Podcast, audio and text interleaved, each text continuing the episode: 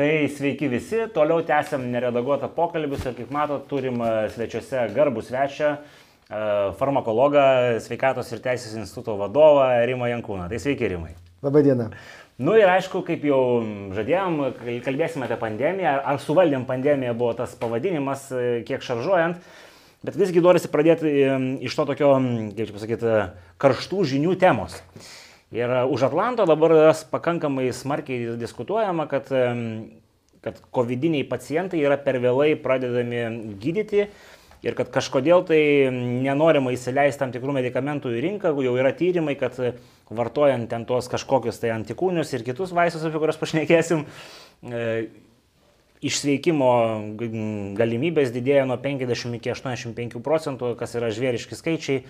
Tai kaip ten yra su COVID gydimu, atmetus e, tą prevencinį vakcinavimą, bet jau tie, kurie užsikrėtė, kokia ten situacija yra dabar? Iš tiesų sakyčiau, kad e, situacija praeitą mėnesį pasikeitė iš esmės. Mes ir Europoje neturėjome nei vieno užregistruoto vaisto skirto tam, kad būtų išvengta lygos progresavimo. Dabar jau mes turime tris visi jie yra monokloninių antikūnų preparatai. Ir dar yra tokia speciali galimybė, kai Europos vaistų agentūra pareiškia patarimą, yra toks specialus e, straipsnis centralizuotos registracijos reglamente, reiškia tos centralizuotos, kur ekspertizę atlieka Europos vaistų agentūra ir registruoja Europos komisija. Reiškia, yra toks specialus straipsnis, kuris suteikia galimybę Europos vaistų agentūrai pateikti patarimą, kur remdamosis ES valstybės gali leisti tiekti mm, vaistus į rinką, kol Europos komisija neužregistravo. Reiškia, pagal tą straipsnį turime dar du vaistus, abu jie geriami, reiškia, trys monokloninių antikūnų preparatai, kurie suleidžiami į veną ir du geriami Tik tai tiek, kad tie du geriami, kaip sakau, dar neregistruoti, bet šalis gali nacionaliniais sprendimais daryti, nu, leisti į rinką tiekti. Tuo tarpu tie, kurie užregistruoti Europos komisijos, nebereikia jokių nacionalinių sprendimų, tiesiog didmenininkai gali patys imti, vežti. O Čia, jau... Ar tarptų vaistų yra tas e, garsiai mėgiamas vaisto pavadinimas, kur visi kalba apie naudojamą gyvūnam, o ne žmonėm? O koks tas pavadinimas? Ivermektinas. Ivermektinas. Išprovokavot, jisai... kad aš pasakyčiau tą žodį. Gerai. Bet jisai ne tik gyvūnams. tai aš žinau. Jis, bet... jis ir žmonėms. Jis ir žmonėms, tik tai kitoms indikacijoms, para, parazitinėms e, invazijoms.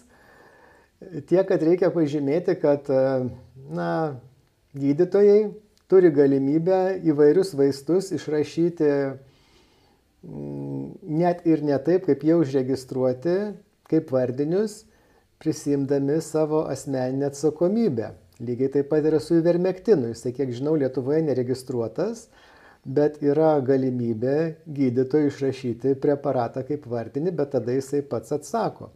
Ir kas liečia ivermektino tyrimus, tai ten matyt, kad yra gana daug kontroversijos, tačiau jie tikrai verti, na, kruopštaus pažiūrėjimo, analizės, o ne arogantiško pasakymo, kaip sako mūsų premjerė.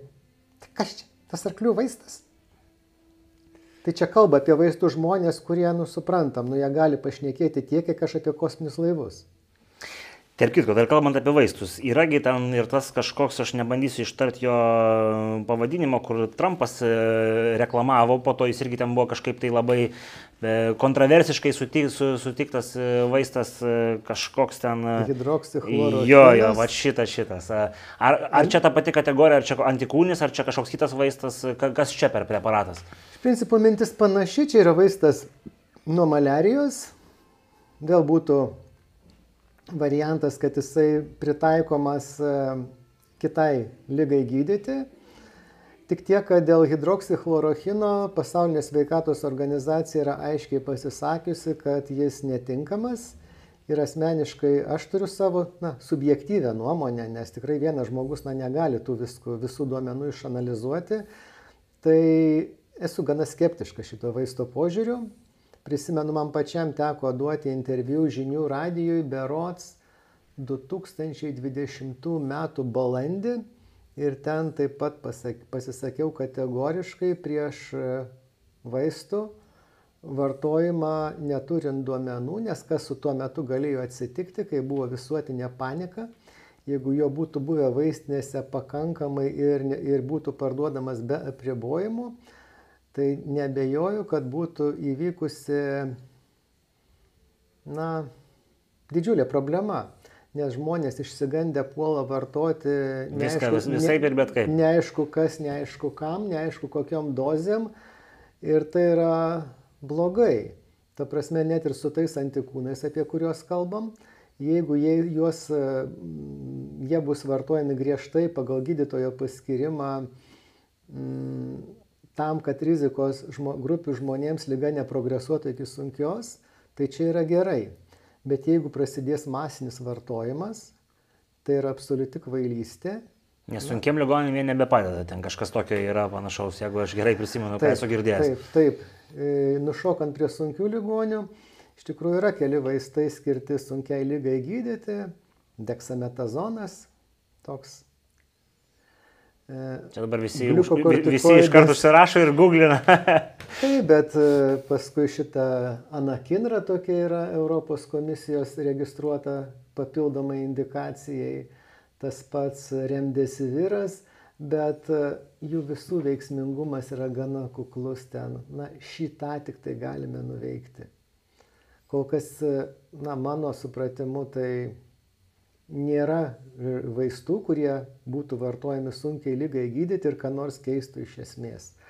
Tuo tarpu, kai kalbam apie progresavimo riziką ir jūs kalbate apie 50-85 procentus, matyt, teisybė yra kažkur tose ribose ir tai yra daug. Tai yra kelis kartus sumažiname riziką sunkios lygos ir nėra, aišku, tiek duomenų įrodančių, bet tikėtina, labai tikėtina, kad panašiai sumažėja ir mirties rizika. Gerai, tai nespekuliuosim tada ties tais naujais vaistais, pabandykim iš karto tą griebti žvėrį, kadangi vakcinacija vyksta jau kiek čia metai laiko, jeigu neklystu. Tai kažkokiu... Nu, panašu, kad ja. šiandien metai ir suėjo. Tai va. Kaip jūs laiku paklausėt, šiandien arba vakar? nu va, tai, tai žodžiu, kažkokių domenų jau yra ir turime mes pasipiktinusių tokių klausytojų, kurie sako, vad kaip matydamas visą šitą kontroversišką informaciją iš visų šaltinių, kaip gerbiamas e, farmakologas jam apsiverčia liežuvis vadinti vakciną vakcina. Tai dabar apie tą vakciną šiek tiek, nu arba vakcinas daugiskaita. Kaip ten vat, jūsų kaip specialisto po metų vat, laiko vat, visų šitų duomenų, kurie plaukia iš visų pusių, ką galėtumėt pasakyti apie jos veiksmingumą, tai pritaikymą ir panašiai? Na, pirmiausiai, tai aš e, prieš pusę metų nuo kai ko gaudavau kritikos, kad vadinu vakcinas vaistais. O ne marmalu, kaip kai kurie veikėjai. ne, tai kai kas sakė, kad čia ne vaistinė ir Seimo narių buvo. Ir e, kai man nusibodo šitie klausimai, aš padariau įrašiuką, kur paaiškinau, dar kažkas paklausė, viskas, sakau, baigiam. Dabar dedat tūkstantį eurų, Aš dedu tūkstantį eurų, jūs dedat vieną ir nors, nors tokius santykius susiginčijam, tada susimokėsit ir pasibaigs tie ginčiai. Nes aš jau paaiškinau viskas, ko dar. Dabar šį čia. Nu, nu vakcina. Nu. Pasižiūrime apibrėžimą, tai yra vakcina. Pasižiūrime Europos vaistų agentūros ir Europos komisijos interneto svetainės, tai yra vakcina. Kitas Bet yra ta samoto teorija, kad čia Big Pharma viską užvaldė ir čia vakcina tik vadinasi vakcina. Aš provokuoju jūs, bet... Provokuokit, man patinka, tuo labiau va dabar, va, kai smegenys pailsėjusios. Tai Filmuojam po kalėdų. Jeigu mes pa, pa, pavartom senus žodynus, tai praktiškai aš labai abejočiau, ar kai, kurios, kai kurie vaistai, kurie šiandien vadinami vakcinomis, patenka į vakcinos apibrėžimą. Nes visą laiką buvome pripratę, kad vakcinos tai yra antigenai, kurie sukelia imuninį atsaką. Na, arba tų antigenų turi savo sudėti, aišku, supaprastinau tą apibrėžimą, reiškia organizmui svetimos medžiagos, kurias organizmas turi pašalinti, tam, kad pašalintų, reaguoja imuninė sistema. Tai jeigu, jeigu kalbame apie kai kurias COVID-19 vakcinas, tai čia kolegos pastaba, mm, nu, jinai turi pagrindo. Kokia ta pastaba, pacituokit? Kad, e, tai jūs pacituokit, jūs sakėt. Aš tai kolegos jūsų negirdėjau, jūsų kolega žodžiu. Ne, tai jūs ką tik klausėt manęs. Ne, tai mano klausimas buvo bent Kodėl marmalų vadina? Nu taip, kodėl marmalų vadina? Aš ne Ne, visai taip kodėl ne klausiu. marmalų vadina? Kodėl jūs vadinat vakciną vakciną, o ne marmalų kaip kai kurie? Tai... Čia klausimo esmė. Tai tvarkoju, atsakiau, kodėl vadinu vakcina pagal dabartinės savokas, pagal tai, kaip yra na, vadinama oficialių institucijų ir reiškia bejonės dėl senų savokų žodinė. Kadangi e, mRNR vakcinos, matricinės ribonukleinės rūkš- rūgšties vakcinos, jos e, neturi antigenų. Tai yra, jos nestimuliuoja imuninės sistemos taip, kaip esame pripratę, vietoje to jos modifikuoja genų raišką ir tokiu būdu Visi sąmokslo teorijų iš mūsų daro varliagyvius, taip. Imuninės sistemos veiklą iš tikrųjų. Tai yra lipidinės nanodalelės ir tenai viduje ta mRNR. Reiškia, patenka ta mRNR į ląstelę ir ten keičiasi genų raiška. Tai iš principo Skamba labai baisiai, pabandykit paaiškinti tokią būtinę kalbą, kad žmonės suprastų, Gen- kas ta genų raiška. genai funkcionuoja kitaip mhm. ir gamina baltymus, e, kurie, na, tie baltymai yra antikūnai prieš e, COVID tą S baltymą. Reiškia, gamina baltymus, kurie skirti apsisaugoti nuo koronaviruso. Tai taip ir būtų su vakcinomis pagal seną supratimą, bet e, tada būtų ir pradinė grandis, kai patenka į organizmą antigenas, paskui tenai sureaguoja in- imuninė sistema su antigenus pristatančiam lastelėm ir visa tolesnė imuninės sistemos reakcija, čia to nėra. Jeigu kalbame apie, pavyzdžiui, šitą naujausią vakciną, neseniai užre, užregistruotą, mm, nebeprisimenu pavadinimo, Nuvakso Vid, man atrodo, Mhm. jeigu netikslu, tai vis tiek visi žmonės susigaudys. Tai ten iš tikrųjų yra S baltymo antigenai. Ten jau tikrai atitinka vakcinos senąjį apibrėžimą. Ir sakyčiau, kad tos vektorinės vakcinos, kurios taip pat dvi yra užregistruotos, tai yra Janssen ir AstraZenecos, taip pat atitinka ir senąjį vakcinos apibrėžimą, nes čia yra tiesiog, taip, tai yra genų inžinierija, implantuotas tas mm, e, genas į kitą virusą, Mhm. koronaviruso genas, tam, kad, kad tas virusas patektų į žmogaus ląsteles ir priverstų gaminti antikūnus. Tai žodžiu, žodžiu, iš dalies aš tą pastabą priėmiau ir paaiškinau, kodėl taip kalbu.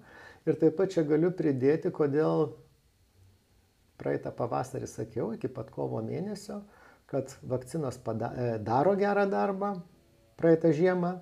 Pava, kovo mėnesį sakiau, kad padarė gerą darbą, nes jos buvo vartojamos pagal paskirtį.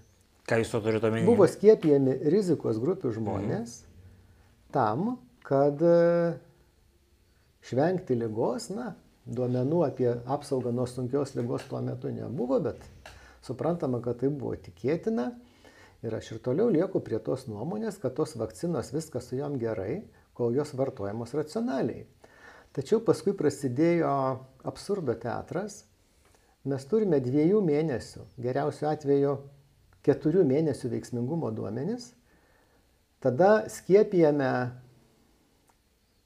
tuos žmonės, kuriuos e, vargu ar yra prasmė skiepyti, nežinodami apsaugos trukmės.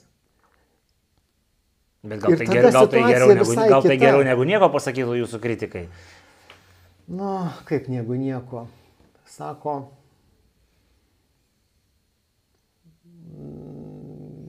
o kodėl jūs, aš atsakysiu visada, kai vartojame vaistus, visada mums reikia įrodymų, kad mokslas, na, kad tą, ką darome, būtų mokslo pagrista. Mokslo pagrista medicina, ne? Tai, o kodėl jūs manote, kad geriau negu nieko? Aš tai, aš tai nemanau, bet tokia versija yra, kad e, vyksta, žodžiu, labai kova su baisiu virusu ir reikia mesti viską ant stalo, kas yra įmanoma.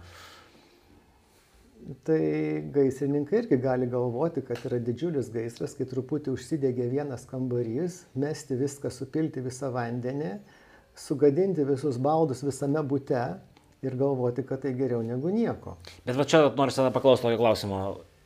Į mastą žiūrint šitos e, pandemijos, nu, ar jinai nėra pranokstanti tas me, kitas pandemijas, kurias turėjom? Nes, nu, va, jūs paminėjot, kad e, gaisras tik namo kampe, o kai kam galbūt atrodo, kad visas e, namas ir kvartalas jau dega, žodžiu. Tai taip atrodo.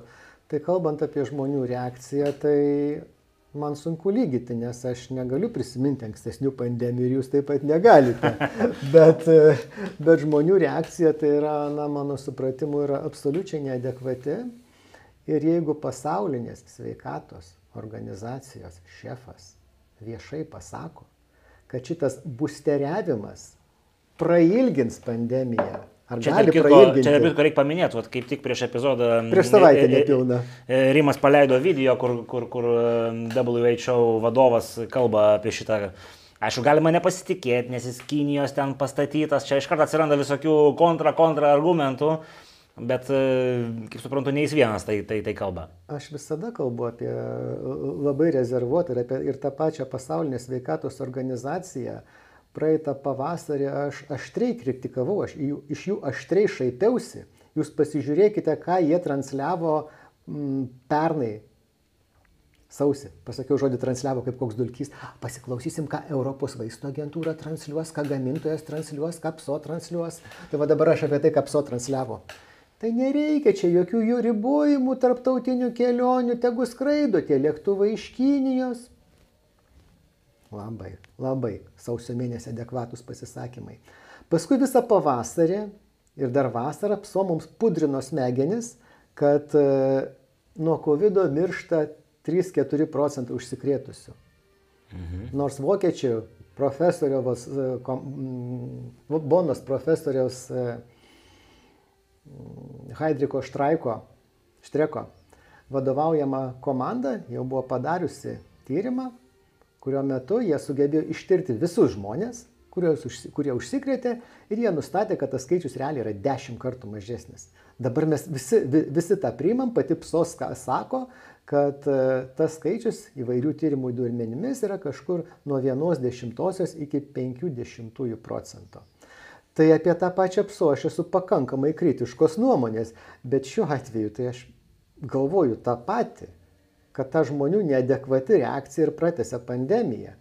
Pasižiūrėkime dabar, mums tvirtina reikalingas e, paklusnumo vyriausybei pažymėjimas.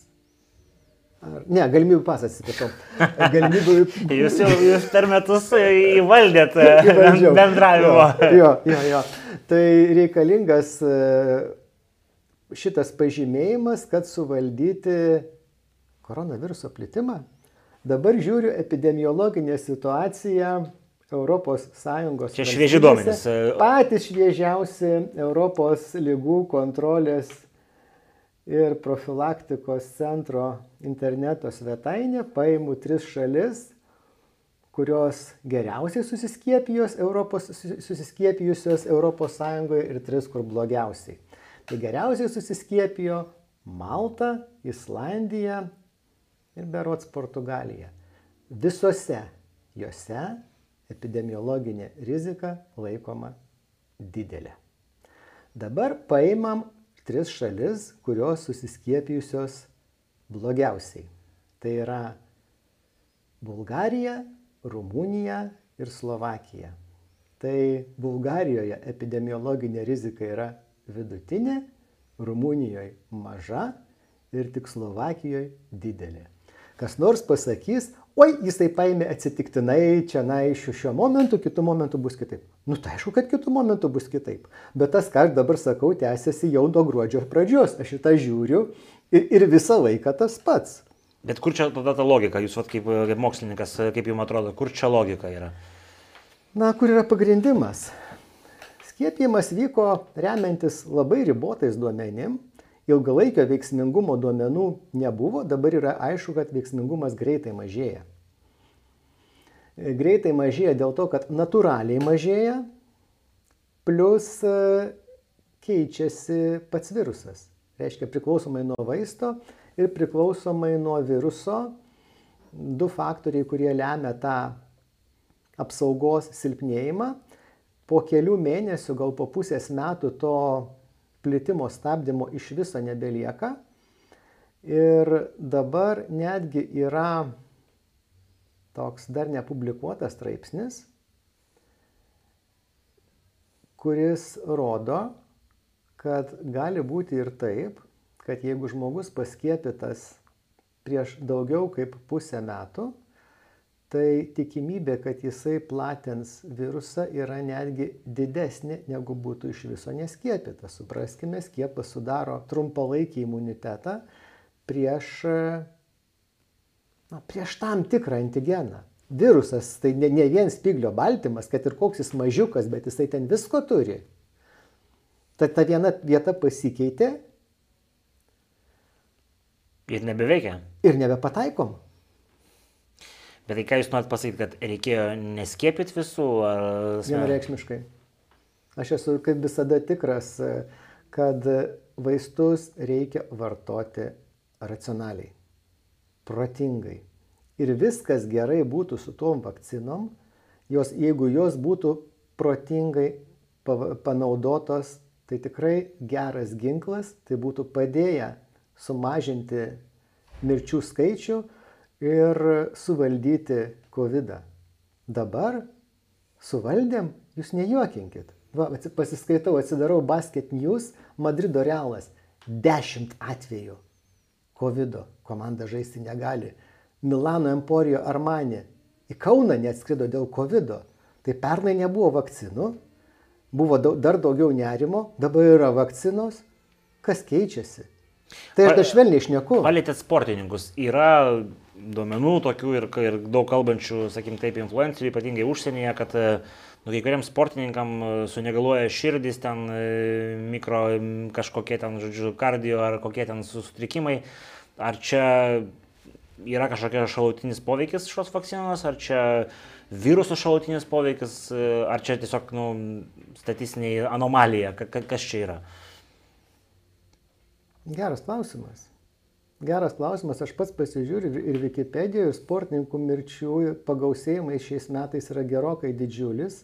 Kas čia kaltas virusas ar vakcinos, e, gal ir tas, ir tas dalyvautų, bet jeigu būtų kaltas vien virusas, tai ir pernai būtumėm pastebėję panašių dalykų, juk viruso tikrai užteko, ypač antroje metų pusėje. O tų mirčių dabar padaugėja tikrai gerokai ir taip pat mes žinome, kad vakcinos tikrai gali sukelti širdies raumens uždegimą, tikrai gali sukelti trombozinės komplikacijas. Na, vienom, vienoms tas poveikis įrodytas, kitoms tas.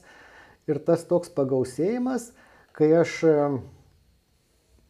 viešai paklausiu, tai kaip čia dabar yra, iš kur atsiranda tie disbalansai, statistikos departamentas randa visada įrodymų, kad viskas čia gerai. Bet vėl, paima mirtis per pirmas 10 dienų po vakcinos, antras 10 dienų ir trečias. Nu, sakykit, ką norit, augimas akivaizdus. Per pirmas 10 yra mažiausiai, per antras 10 daugiau, per trečias 10 dar daugiau, paskui prasideda mažėjimas. Galbūt... Tai gal tik per tiek laiko vakcinai įsišauna į sistemą. E, Populiariausia vakcina skiepijama dviem dozėmis, antra dozė yra po trijų savaičių. Tai yra įsišauna į sistemą antra dozė po, į, į, į trečią dešimtuką dienų. Sako, galbūt e, tie, kurie blogai jaučiasi nesiskiepija, tas gali turėti įtakos. Aišku, gali. Bet tas sutapimas tarp antros dozės ir, ir to padidėjimo, tai jeigu jam pablogėjo, tai gal jis tegu, ne, tai spėju, kad negauna antros dozės, nes kelios dešimtis tūkstančių žmonių pasiskiepijo vieną dozę, antra ne, kur jie dingo. Jeigu jie buvo vakseriai, staiga pasidarė antivakseriai, Nu, bet ar tų žmonių yra, tasme, žiūrint į populiaciją, ten kiek? 5 procentai, 10 procentų, koks tas skirtumas tarp paskiepytų vieną dozę ir daugiau negu vieną? Kelios dešimtis tūkstančių yra tokių žmonių. Kelios dešimtis tūkstančių. Nu, tai... Asmeniškai aš neskaičiavau, bet mūsų kolegos skaičiavo. Tai taip, kelios dešimtis tūkstančių. Labai tiksliai nenoriu sakyti, nes čia, nu, žinot, nu, visada taip, taip. galima apsirikti. Bet tai... esmė. Esmė, kad tokių žmonių yra ir jų yra tikrai daug. Bet tai iš viso to, ką jūs pasakėt, jūs vis, e, čia, sakoma, jau tokie skeptiškesni žiūrovai sakys, va, nu tai reikia nesiskėpyti, bet jūs visgi ne, ne žinutę, kaip suprantu, turit. Žinokit, mano žinutė visą laiką buvo, kad rizikos grupėms, nepaisant vakcinų keliamų pavojų, vis tiek saugiau yra skiepytis. Vis tiek būtų tikslinga, ta žinutė buvo prieš metus iš manęs. Mhm. Vasarą, aš jau pradėjau vasaros pradžioj kitaip kalbėti. Nu, suprantame, viruso kiekis vasarą žymiai mažesnis. Jau turėjome duomenų, kad vakcinos sukeliama apsauga ribota. Tai ar verta labai saugotis tuo metu, kai mažai rizikos? Nu tai palaukim rudens, pažiūrėkim, kas bus ir tada nuspręsim. Dabar dar prisidėjo. Ai, tada aišku, ateinant rudeniu vėl situacija keičiasi, vėl už.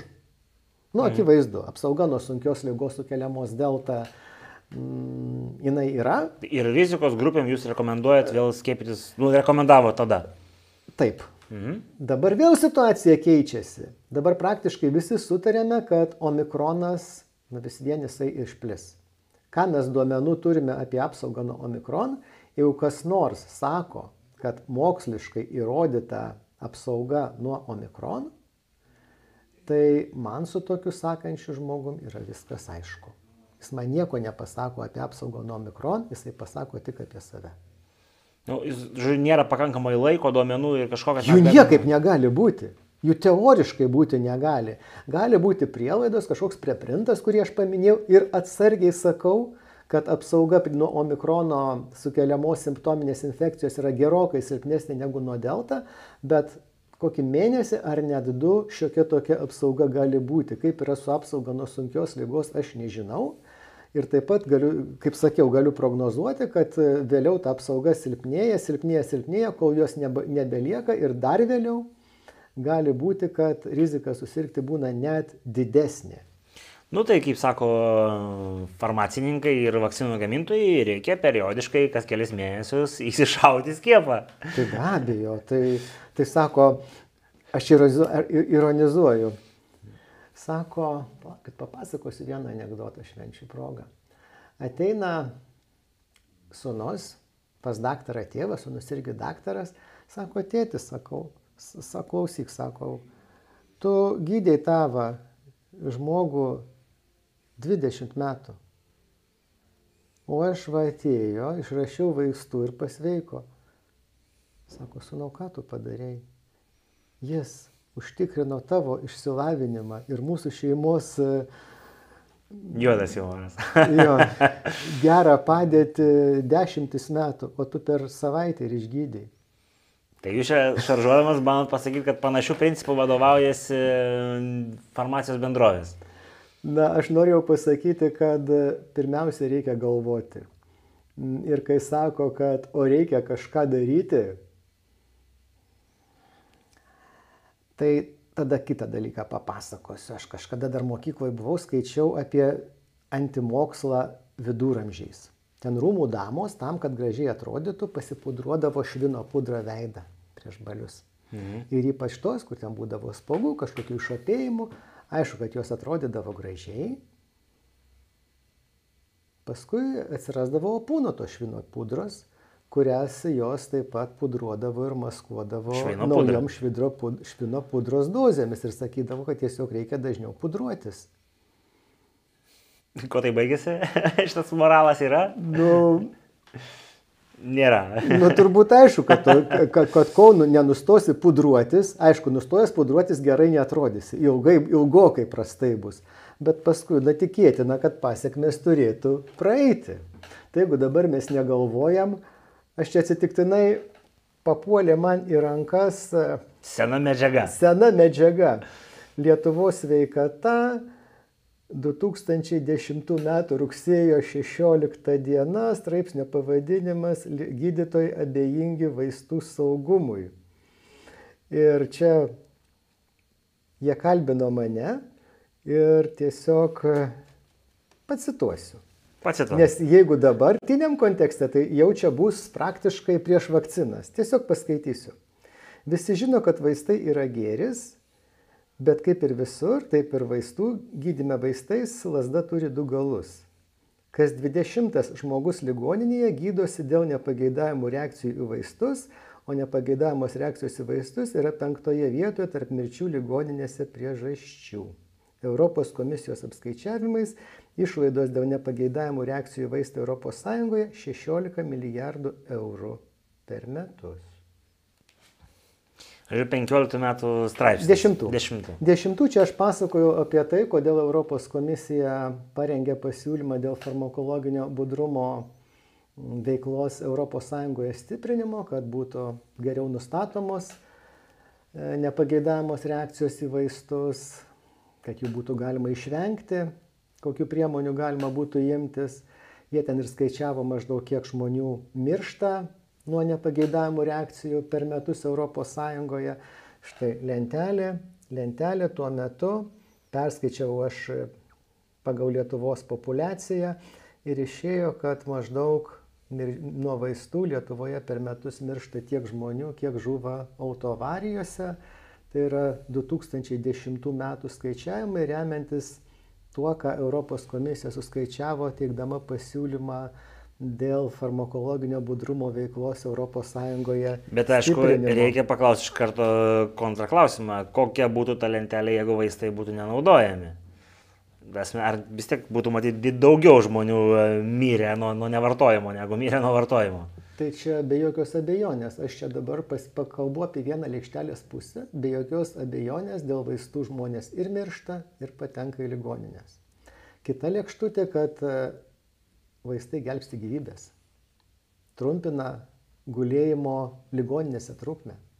Ir visas klausimas yra, kad reikia juos vartoti protingai. Jeigu tuos, grįžtam prie tų pačių antikūnų, jau, jau mhm. sakiau, ne? Jeigu jie bus vartojami pagal paskirtį, viskas bus tikrai, tikriausiai bus tik į gerą. Jeigu juos pradės kažkas bandyti gauti pagal pažintis, tiems žmonėms, kurių nereikia. O taip tikrai bus? O taip turėtų būti, nes tai būna praktiškai dažniausiai, mes net ir su vakcinom prisimenam istorijų praeitą, buvo, praeitą žiemą. Norinčių gauti. Jų buvo, tai naudos nebus ir tikėtina, kad gali būti tik žalos.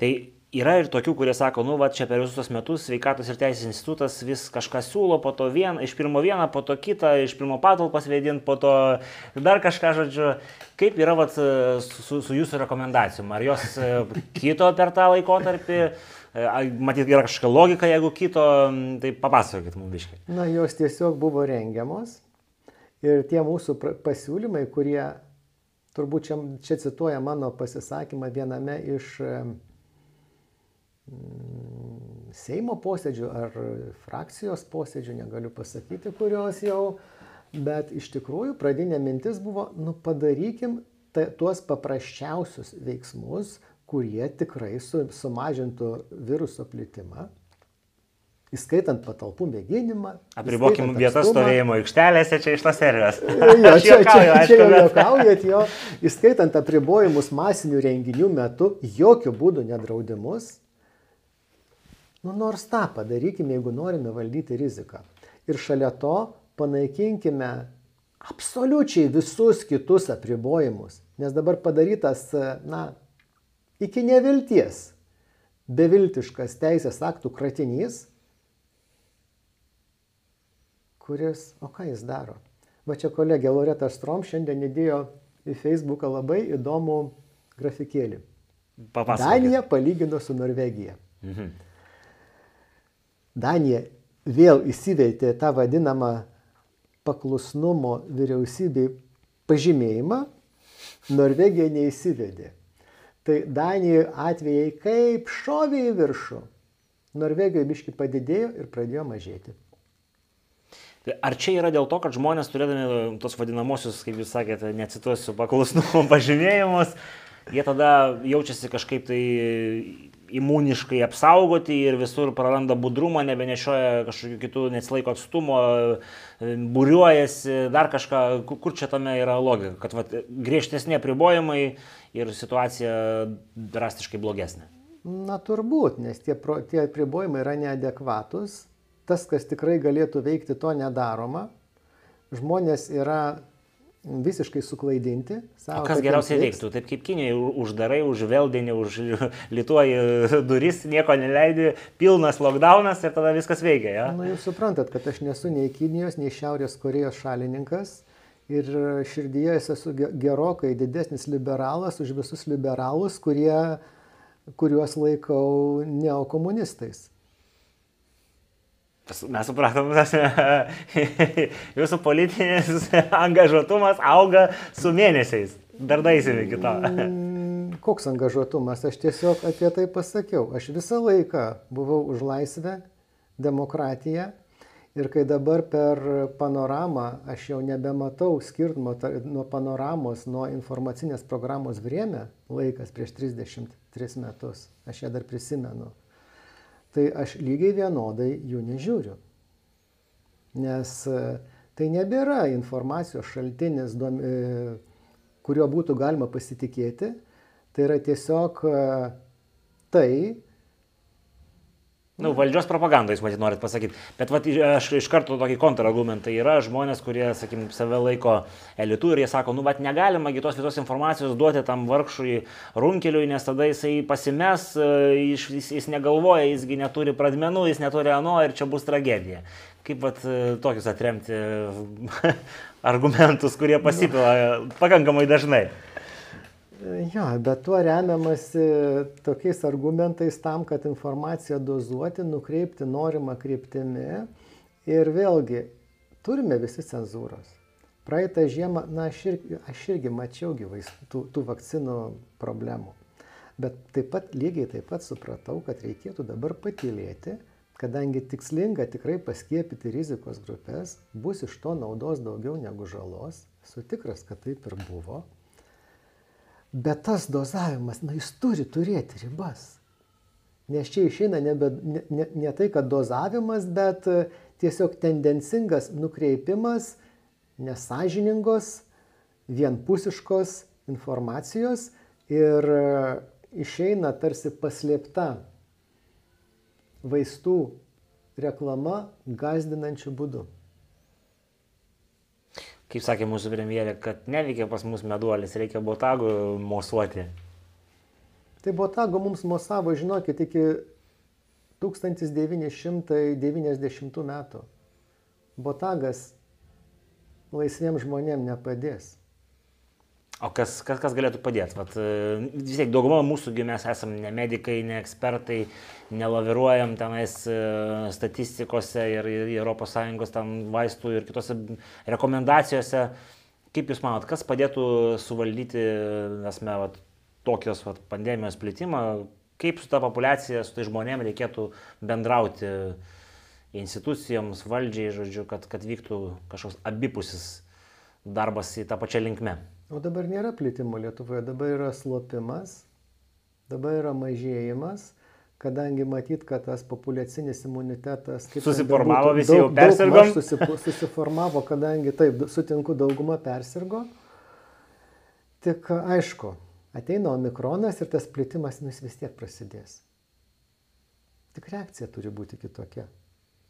Nu, kam žmonės gazdinti? Realiai aš atsakingai sakau, kad mano nuomonė, Mm, per paskutinį pusmetį nebuvo jokios priemonės, kuri mažintų realiai COVID plitimą. Per paskutinį pusmetį. Nuo, nuo deltos jūs turite menį, ar, ar čia kažkoks atskiras skaičius? Gal net daugiau, reikia gal daugiau skaičiuoti, galvoti, bet realiai pavasarį, kai pamatė, kad e, kelionio apribojimai save išsisėmė vis tiek nebeveikia, tai aišku, kad nebeveikia, jie gali veikti ribotą laiką Mm, ir taip paskui pavasaryje tenai pradėjo laisvinti, laisvinti, laisvinti, tai labai teisingai. Laisvinti reikėjo pradėti dar vasario mėnesį, manau, suvaldžiu situaciją. Ir praktiškai nieko nebereikėjo daryti iš to, kas dabar daroma. Reikėjo nustoti žmonės gazdinti.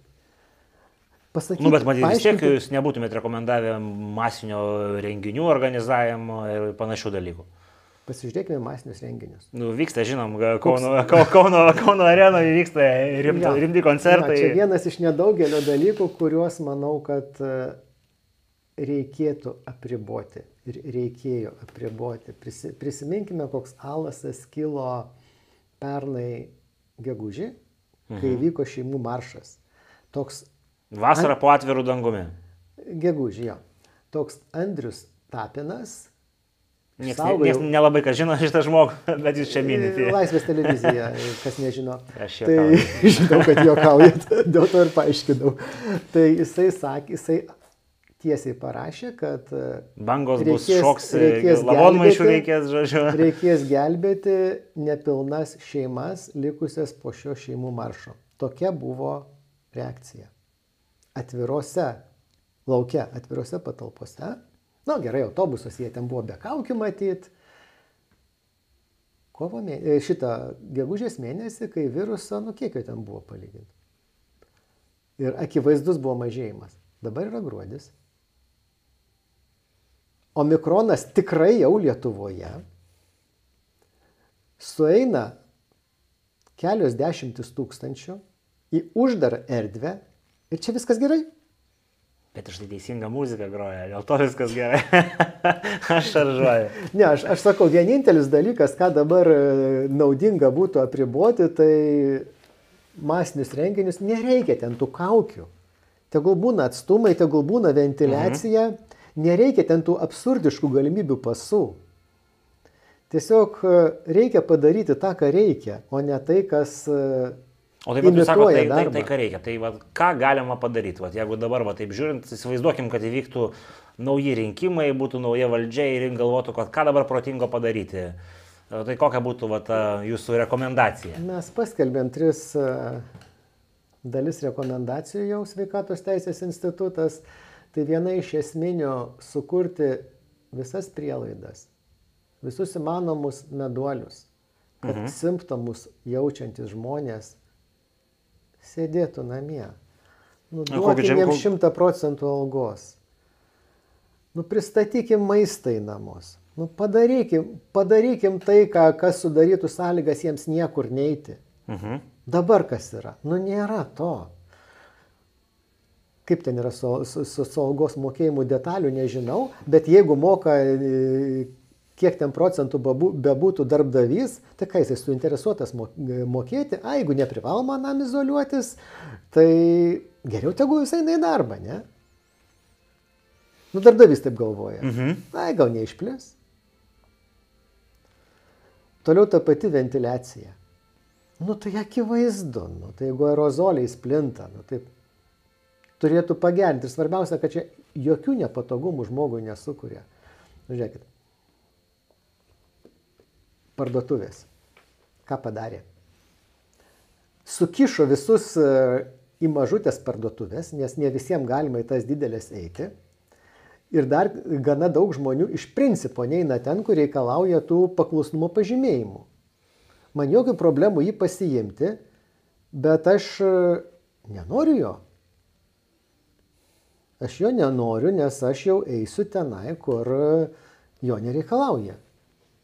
Aš nesiuošiu ten kažkam tai rodyti. Jeigu, nu gerai, ten kažkada reikia kažkokį posėdį Seime, nu kartais sugrieši žmogus, nu ką darysi. Bet jeigu jau... Tai jau rodėt nėra, kažkada. Nu ką darysi, nu yra, yra buvę. Tai...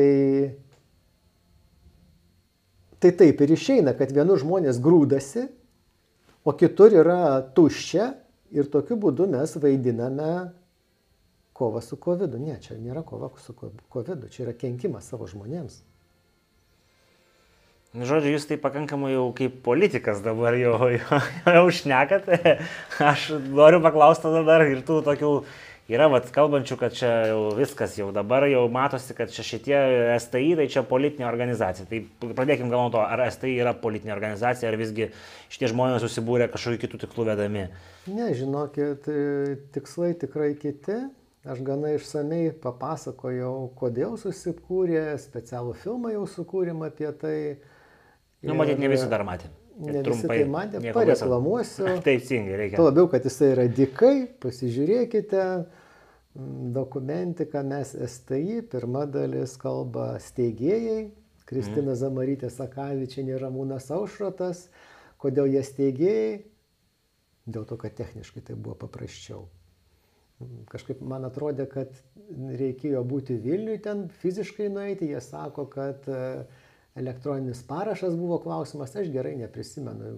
Nu, bet kaip ten bebūtų, man buvo ne, nepatogu prisijungti, daugam buvo nebuvo kaip irgi, tai įsteigė tie, kurie galėjo, nes ten tiesiog mintis buvo aiški, nu kas dabar galim tą padaryti. Nu, padarė jie. Nu, šaunuoliai. Nu. Tai kalbant apie politiką, minčių apie tai, žinokit, nebuvo. Ir vieną kartą paklausė, antrą kartą paklausė, trečią kartą paklausė. Nu, nežinokit, nesinori tos politikos, norisi, kad politika, politikai protingai valdytų situaciją. Jums labiau patiktų būti patariančių asmenių, negu pačiam žodžiu būti politiku. Nu taip, nu pagalvokit, nu, nu kas geriau, ar sėdėti Seime, ar žaisti tinklinį, dalyvauti triatlonuose ir turėti laisvas galimybės keliauti. Nu tai aišku, kai nėra kur dėtis, tai vis taip ten gali atsitikti, bet tikėkime, kad nu, neprireiks to. Buvo čia ir tokių e, asmenų, kurie sakė, va, žiūrėkit, šitas žmogus buvo atsakingose pareigose ir po to buvo iš jų pašalintas ir vėl po to grįžo. Gal galite trumpai papasakoti, kaip ten buvo, kai jūs buvo tuo vadovu ten e, vaistų tarnybos, kaip jinai Lietuvoje vadinasi, ir kodėl išsiskyrė jūsų keliai, nes čia tokių Be yra klausimų. Be problemų, žinokit. E, aš tenai dirbau nuo 2003 iki 2012 metų sausio 3 su viena pertrauka, taip. 2007 metais iš tiesų buvau iš jos atleistas. Kodėl? Už blogą elgesį? Teisingai, už nepatenkinamą elgesį tuo metinės valdžios požiūriu. O kokia tuomet buvo, kokia buvo, tai 2003 metai? Taip? Ne, 2007. Ai, 7 metai. Ten buvo. konservatorių nebuvo valdžioj. Jie, kažkas Se... sako, buvo 2K projektas. Na, buvo jisai matyti. Tai tikrai neturėjau jokių simpatijų iš tuometinės valdžios. Ten buvo tokia susidariusi situacija su vienu biotehnologiniu vaistu, mhm. kai jis akivaizdžiai netitiko ES reikalavimų Europos komisija atsiuntė keletą įspėjimų. Mes e, buvome kruopščiai tarnyboje išnagrinėję šitą situaciją ir tuo metu organas teikęs e, viršininkui patarimus dėl vaistų registracijos, vaistų registracijos taryba buvo išnagrinėjusi šitą klausimą, padariusi išvadas, kad e, jis netitinka ES reikalavimų Ir po to, kai Europos komisija atsiuntė pagristą nuomonę, įspėjančią, kad nepanaikinus registracijos jie kreipsis į teismą, e, aš pasi, pas, pa, pasirašiau šitą registraciją panaikinantį įsakymą tuo metu, kai iš tiesų į viršininko kėdę postą pasodinta moteriškė iš Marijampolės buvo išvykusi į komandiruotę. Na, atskiras klausimas, kaip, kaip jinai ten atsirado tame viršininko poste prieš dvi savaitės iki to įvykio, nes iki tol aš metus laikinai vadovavau tarnybai, po to, kai viršininkas tuo metinis Mindaugas Plieskis per, perėjo dirbti į ministeriją. Ministerija metus vadovaujama ministro Turčinsko, nes Žilvinas Padaiga išė, pasitraukė su vyriausybė, su vyriausybė, reiškia, ministerija metus nesugebėjo paskelbti konkurso, nu, nes nesugebėjo matyti rasti jiems reikiamo kandidato. Žodžiu, matėt nekompetenciją ir dėl to... Tragiška, tragiška neišmanimą. Nu kaip? E, ir, ir, ir žmogus vadovavo trijų moteriškių kolektyvui, toje Marijampolės. Čia dabar skambat, skambat kaip e, seksistas. Koks skirtumas? Gali kaip būsimam politikui. Gali būti trijų vyriškių kolektyvų, nu koks skirtumas? Gal keturių, gal dviejų, nu koks skirtumas? E, toje ligoninėje, kuriai vadovavo jau ne moteriškė, vyriškis, kuris tuo metu jau buvo perėjęs vadovauti ministerijai. Reiškia, na, pasikvietė savo, matyt, bendražygę kad jinai sutvarkytų tą vaistų kontrolės tarnybą, kuri ministro neklausė. Tai Tai jūs, buvo, jūs buvo tos neklausančios tarnybos vadovas, taip supras reikėtų. Aš buvau vadovas, jo, tos metus buvau tos neklausančios tarnybos vadovas. Ministrui baisiai nepatiko, atsimenu vieną gamybinį posėdį, kurio metu pasakiau, ką galvoju. Bet jisai, nepaisant viso to, labai ilgai ieškojo, na ką čia daryti. Ir tada jinai du mėne, du, dvi, dvi savaitės jau buvo pavadovavusi. Nu kodėl aš su ja turiu tartis? Ką jinai protingo gali pasakyti? Tai aš sakau, nu pasi, atsisėskim, pasišnekėkim, nu ką šnekėti tokiu, su, su, su žmogum, kuris bazinių dalykų nesupranta. Nu, Anglų kalbos nesupranta. Tai aš turėdamas pilną visų specialistų palaikymą, tiek vaistų registracijos, tiek klinikinių tyrimų skyriaus, tiek teisės skyriaus, pasirašiau tą įsakymą. Aišku, jinai buvo nepatenkinta labai, grįžusi tą įsakymą tuoj panaikino, gavo raštą vėl iš septynių vedančių tarnybos specialistų.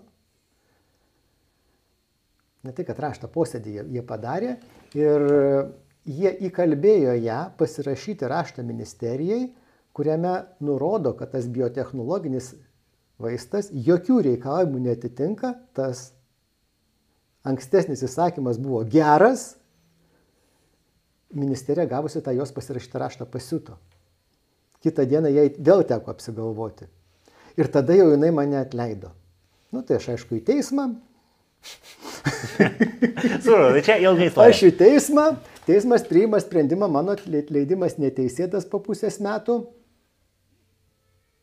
Žodžiu, mokesčių mokėtojai Jinai turėjo nes- jums kompensaciją Dar ne išmokėti. viskas. Sprendimas kovo mėnesį. Čia 2008 jau pusę metų praėjo. Nu, jeigu neteisėtas, teismas panaikino tą jos įsakymą, reikia gražinti. Jinai nesutinka. Aš į antstolių kontorą. Antstoliai ateina pas viršininkę. Ne, nevykdo. Aš, aš į policiją pradeda iki teisminį tyrimą.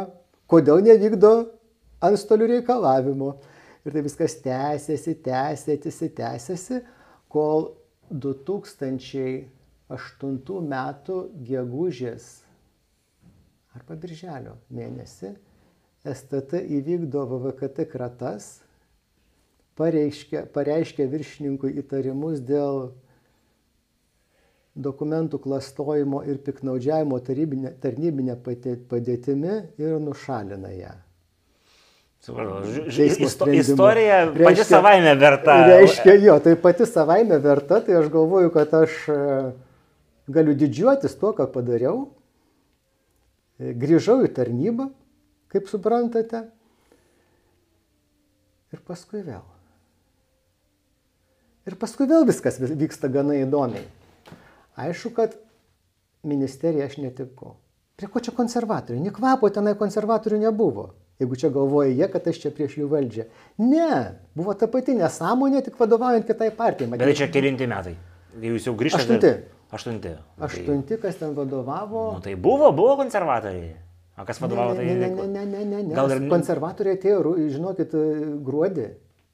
Taip, Da, so, socialdemokratai buvo. taip, taip. taip. Nu, Jo, jo, jų Klausimas, kada aštuntais metais, taip. Tai taip, taip, aš sugrįžau į tarnybą 8 rūpjūtį berots. Dar, dar net rinkimų nebuvo, dar niekas nežinojo, kas ateis. Pats geriausias laikas, ten tokia suirutė būna prieš rinkimus. Na, tas matyti irgi prisidėjo prie visko. Na, aišku, ministerija aš netinku. Ką jie daro? Pagal tarnybos nuostatus tuometinius, e, jeigu nėra viršininko, vadovauti gali Pavaduotojas. pavaduotojas.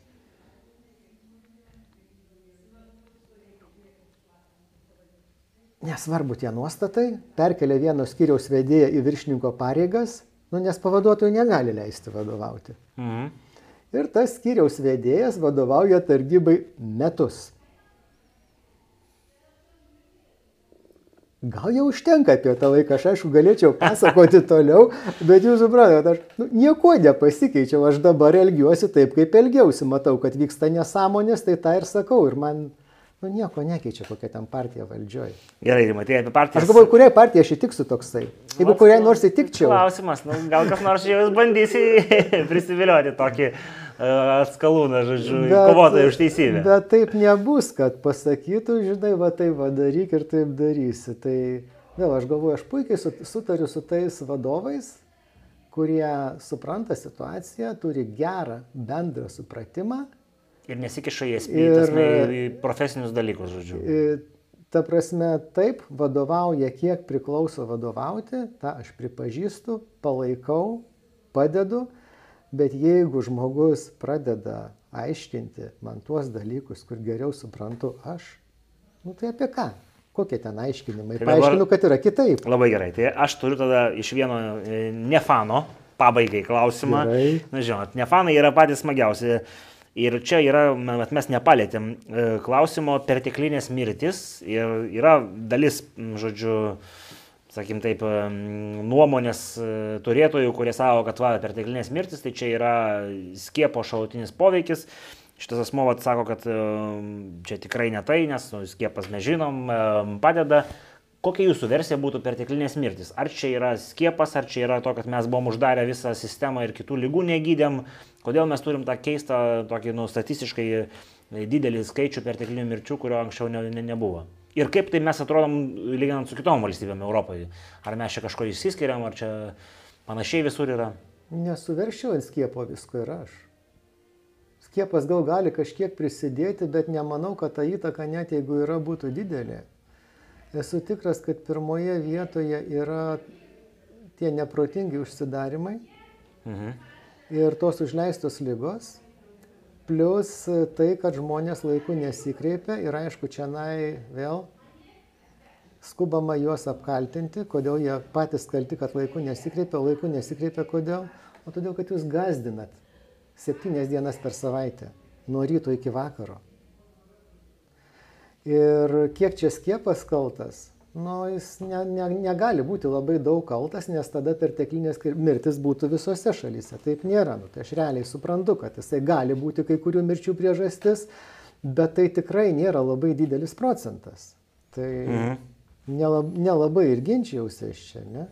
Nu, nelabai, nelabai. Bet vėl pasižiūrime perteklinės mirtis